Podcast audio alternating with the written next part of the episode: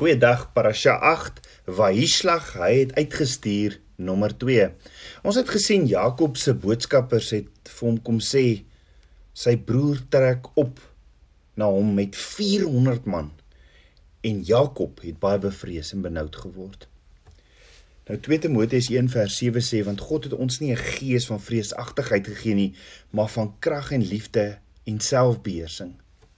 Jy sien Abba Vader het vir Jakob beveel om op te trek en het beloof dat hy Jakob sal goed doen en sy nageslag sal maak soos die sand van die see wat van wie die menigte nie getel kan word nie.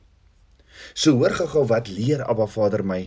Geloof in die beloftes van Abba Vader sal vrees magteloos los. Selfs as ons omstandighede nie verander nie. Vrees is 'n is 'n reuse monse wat teer op alles wat goed is en jou van die belofte van 'n Baba Vader weerhou. Jy raak so vasgevang in dit waarvoor jy bang is dat niks anders belangrik is nie en vrees kom dan en verlam jou net daar. As jy voel of jy jy vol vrees is, hardloop jou gedagtes met jou op hol. En ons as kinders van 'n Vader behoort nie 'n vrees 'n gees van vrees te hê nie, want Spreuke 28 vers 1 sê die goddelose vlug sonder dat daar 'n vervolger is. Maar die regverdiges voel veilig soos 'n jong leeu. Ja, die reus van vrees kom intimideer en manipuleer jou. Selfs sielkundiges sê dat tot 77% van die dinge wat ons vrees nooit ons tref nie. Want vrees is 'n gees en daarom het dit krag. En as jy iets vrees, vers, versprei daardie vrees altyd ook na ander mense toe. Mense naby aan jou voel dit aan. As jy vrees het dit 'n ripple effek op op jou man, vrou, kinders en op jou besigheid. Hierdie reus van vrees laat jou kleiner lyk in jou eie oë as wat jy werklik is en laat jou probleme groter lyk. Hoekom? Want ons maak die gees van vrees 'n reus in ons lewens. Daar's verskeie persone in Abba Vader se woord wat gevrees het, onder andere Joshua. Ja, vrees het Joshua beetgepak want Abba Vader sê vir Joshua in Joshua 1 vers 8: "Het ek jou nie beveel nie? Wees sterk en vol moed. Wees nie bevrees of verskrik nie, want die Here jou God is met jou oral waar jy heen gaan." Nou hierdie woordjie bevrees in Hebreëus is die woordjie arats. Arats wat beteken to tremble, dread, fear, prevail, break, be terrified, cause to tremble. Verskrik beteken to be shattered, to be broken, be abolished, be afraid, to be discouraged, to break down, to scare and be terrified. Met ander woorde wat Abba Vader vir Joshua sê is Joshua, moenie mismoedig, bang, getraumatiseerd voel nie. Nee, Joshua, wees sterk en wees vol moed. En dan sê Abba Vader verder, Joshua, en moenie dat hierdie wetboek uit jou mond wyk nie. Het jy al dalk gevoel soos Joshua? Bang, terrified, discouraged? Voel jy vandag dalk so, tabernakelskind van Abba? So wat is vrees? Vrees is om te fokus op die wêreld en die omstandighede rondom jou. Vrees is om van jou negatiewe omstandighede 'n reus te maak. Die teenoorgestelde van vrees is geloof en geloof is om te fokus op die woord van Abba Vader, om jou oë te rig op Abba Vader se beloftes. So vrees is om eerder te glo dat die vyand jou gaan seermaak as wat jy glo dat Abba Vader jou gaan beskerm. Sodra ek kompromie sluit met die wêreld en ek begin om negatiewe denke toe te laat in my in my lewe, is die eerste ding wat die vyand doen is hy kom saai vrees. Die vyand saai hierdie vrees en dan verander hierdie vrees in paniek. Kan jy dink wat 'n vrees het die vyand in Jakob se lewe gesaai oor Esau, sy broer wat hom wou doodmaak met 400 man wat op pad is? Jy sien die vyand kom skuif my fokus na vrees en paniek en dan sien ek nie eers die plan en beloftes wat Abba Vader vir my lewe het meer raak nie. Abba Vader het vir Jakob die beloofde land beloof en Abba Vader sê vir Jakob: "Jakob, jy moet terug, jy moet terug na die beloofde land en Jakob het ewe skielik fokus verloor. Jakob het toegelaat dat die reus van gees sy fokus steel, want Jakob was dalk nie meer so gefokus op dit wat Abba Vader vir hom beloof het nie, maar dat Esau hom gaan doodmaak. En die vraag is kind van Abba Vader, waar is jou fokus vandag? Kan jy sien hoe die vyand by jou kom steel? Want so seker as wat geloof die hand van Papa God in beweging bring, so seker maak die vrees, die gees van vrees die deur oop vir die vyand om in te kom. Kan ons dieper gaan? Kan ons so 'n bietjie gaan oorslaan na die Bridesha die Nuwe Testament gedeelte vir die week in Matteus 26? Want dink daaroor, is daar dalk iemand anders in die woord wat ook in 'n tyd van geweldige geweldige vrees met Abba Vader oor sy vrees gepraat het? In Matteus 26 vers 36 tot 39 staan: "Toe kom Yeshua met hulle in 'n plek met die naam van Getsemane en hy sê vir die disippels: "Sit hier onderwyl ek daar gaan bid." En hy neem Petrus en die twee seuns van Zebedeus saam en begin bedroef en benoud word. Toe sê hy Yeshua vir hulle: "My siel is diep bedroef tot die dood toe. Bly hier en waak saam met my." En hy het hier 'n bietjie verder gegaan en op sy aangesig geval en gebid en gesê: "My Vader, as dit moontlik is, laat hierdie beker by my verbygaan, nogtans nie soos ek wil nie, my Vader, maar soos U wil."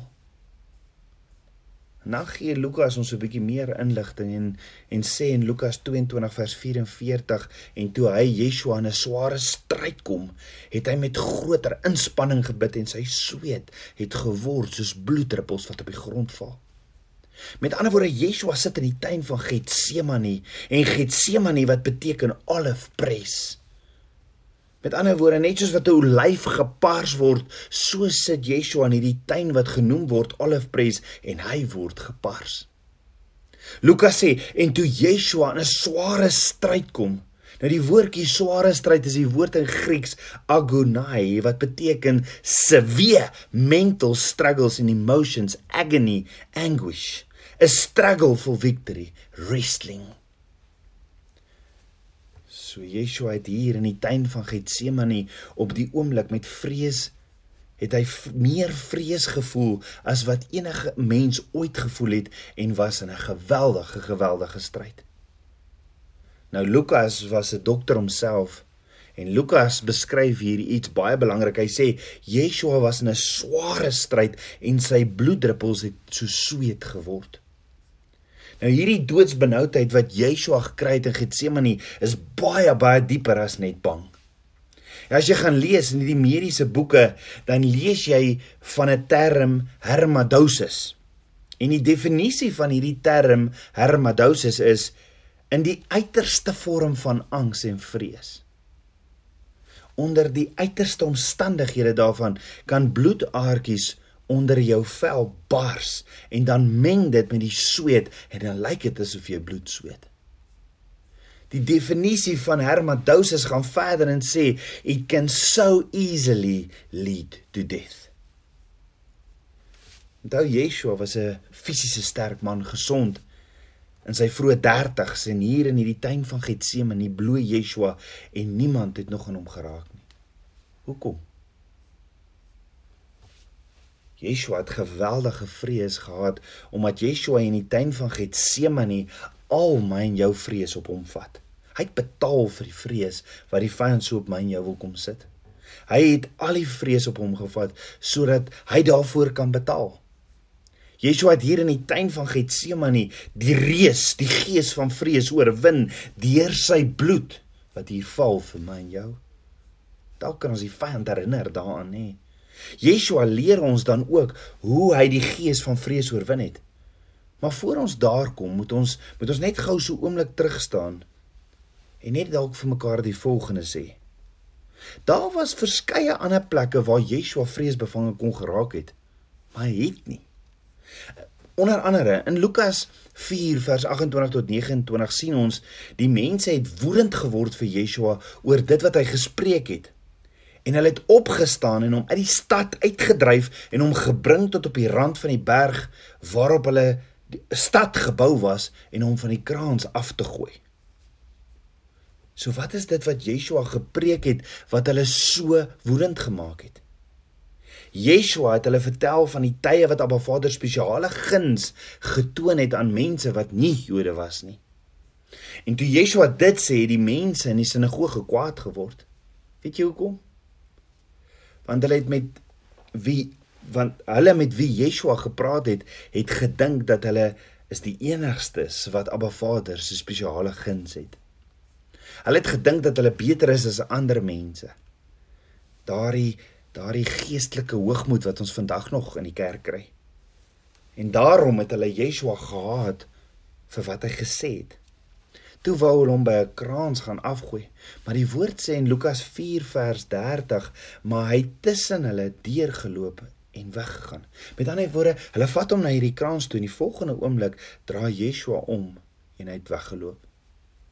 Hæ? Huh? Dink daaroor, wat het hier gebeur? Hoekom sê die woord maar Yeshua tussen hulle deurgeloop en weggegaan? Die rede hoekom hulle Yeshua nie kon doodmaak en van die kraans afgooi nie was Yeshua was sonder sonde. En dood is die prys wat betaal word vir sonde. Yeshua was ook hier glad nie vreesbevange nie, maar hoekom dan het het Yeshua in die tuin van Getsemane vrees bevange geraak en doodsbenoud. En nie by die kraans waar hulle hom wou afgooi nie of enige ander plek nie. Maar Vader leer my drie redes. En nommer 1, omdat Yeshua mens was, kan hy identifiseer met my en jou vrees. Hy kon identifiseer daarmee. Yeshua is 100% God, maar ook hy was 100% mens op aarde. Ons moet onthou, Yeshua was gebore 'n werklike mens en omdat Yeshua ook mens was, kon hy ervaar wat vrees is, soos wat ek en jy doen. Hoor gou wat sê Hebreërs 4 vers 15 tot 16. Want ons het nie 'n hoë priester wat nie met ons swakhede medelee kan hê nie, maar een wat in alle opsigte versoek is net soos ons, maar sonder sonde. Laat ons dan met vrymoedigheid na die troon van genade gaan sodat ons barmhartigheid kan verkry en genade vind om op die regte tyd gehelp te word. Met ander woorde ons weet Yeshua was versoek in alles net soos ek en jy, maar net sonder sonde. En daarom draai Yeshua by die kraans en loop weg. Want die loon van sonde is die dood. En Yeshua was sonder sonde. So wat was Yeshua se versoeking dan in die tuin van Getsemane? Jy sien Yeshua se versoeking was om te hardloop. Om weg te kom, om weg te stap van dit wat hy moes gaan doen het. Want sien die vyand kom blaas vrees sodra ons die wil van Abba Vader wil doen. Hoor gou weer tabernakelskind van Abba, die vyand saai vrees omdat hy nie wil hê ons moet Abba Vader se wil doen nie. Daarom elke keer wat jy uit vrees 'n besluit maak, sal dit nooit in lyn wees met Abba Vader se wil nie. Jy sien dit wat dit dit was Abba Vader se wil dat Yeshua na die kruis toe moet gaan vir my en jou. Dit was nog altyd Abba Vader se verlossingsplan. En daarom bid Yeshua 3 keer en sê Abba, ek wil nie hierdie doen nie, maar nogtans nie my wil nie, Vader, maar U wil. En die antwoord was Yeshua moes dit doen. Hy het gedoen wat Abba Vader gesê het, alles vir my en jou. Let wel, Yeshua het wel te doen gehad met die versoeking om om dit nie te doen nie as gevolg van die vrees wat hy gevoel het. Daarom kan ons vandag net neerbuig en sê, dankie, dankie Yeshua, want Yeshua het gereageer bo sy vrees. Presies wat Jakob ook gedoen het. Hy het reageer bo sy vrees. Ten spyte van sy vrees het hy gedoen presies wat Abba Vader gesê het hy moet. En net so sal Yeshua ware disippels hê as ons leer om te reageer en te luister Abba Vader se stem te shema, hier listen and obey bo ons vrees. Jy sien Abba Vader sit op die troon van genade en ons hoëpriester wat aan sy regter regterhand sit. Hy verstaan elke liewe ding waardeur ons moet gaan.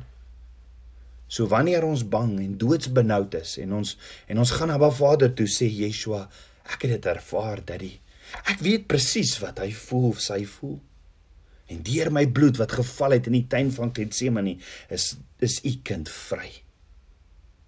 En dan sê Yeshua vandag vir jou, kyk op my bruid en fokus net op my. Kom ons bid saam. Aba Vader, skepper van hemel en aarde, ek loof en ek prys U. Vader, hier is my hart. Dankie, dankie dat U my so liefhet. Dankie Yeshua dat U identifiseer en dat ek al my vrese vandag vir U kan gee. Vader, ek wil net op U gefokus wees. Was my met die waterbad van U woord en leef in my meer en meer van U. Vader, vandag Vandag kom lê ek elkeen wat by by by u voete neer wat hierna luister wat vasgevang is in hierdie in hierdie in die struik van vrees. In Yeshua se naam jaag ons daardie gees van vrees nou weg. Ek bid dit alles in Yeshua Messie se naam die seun van Jahweh. Shalom.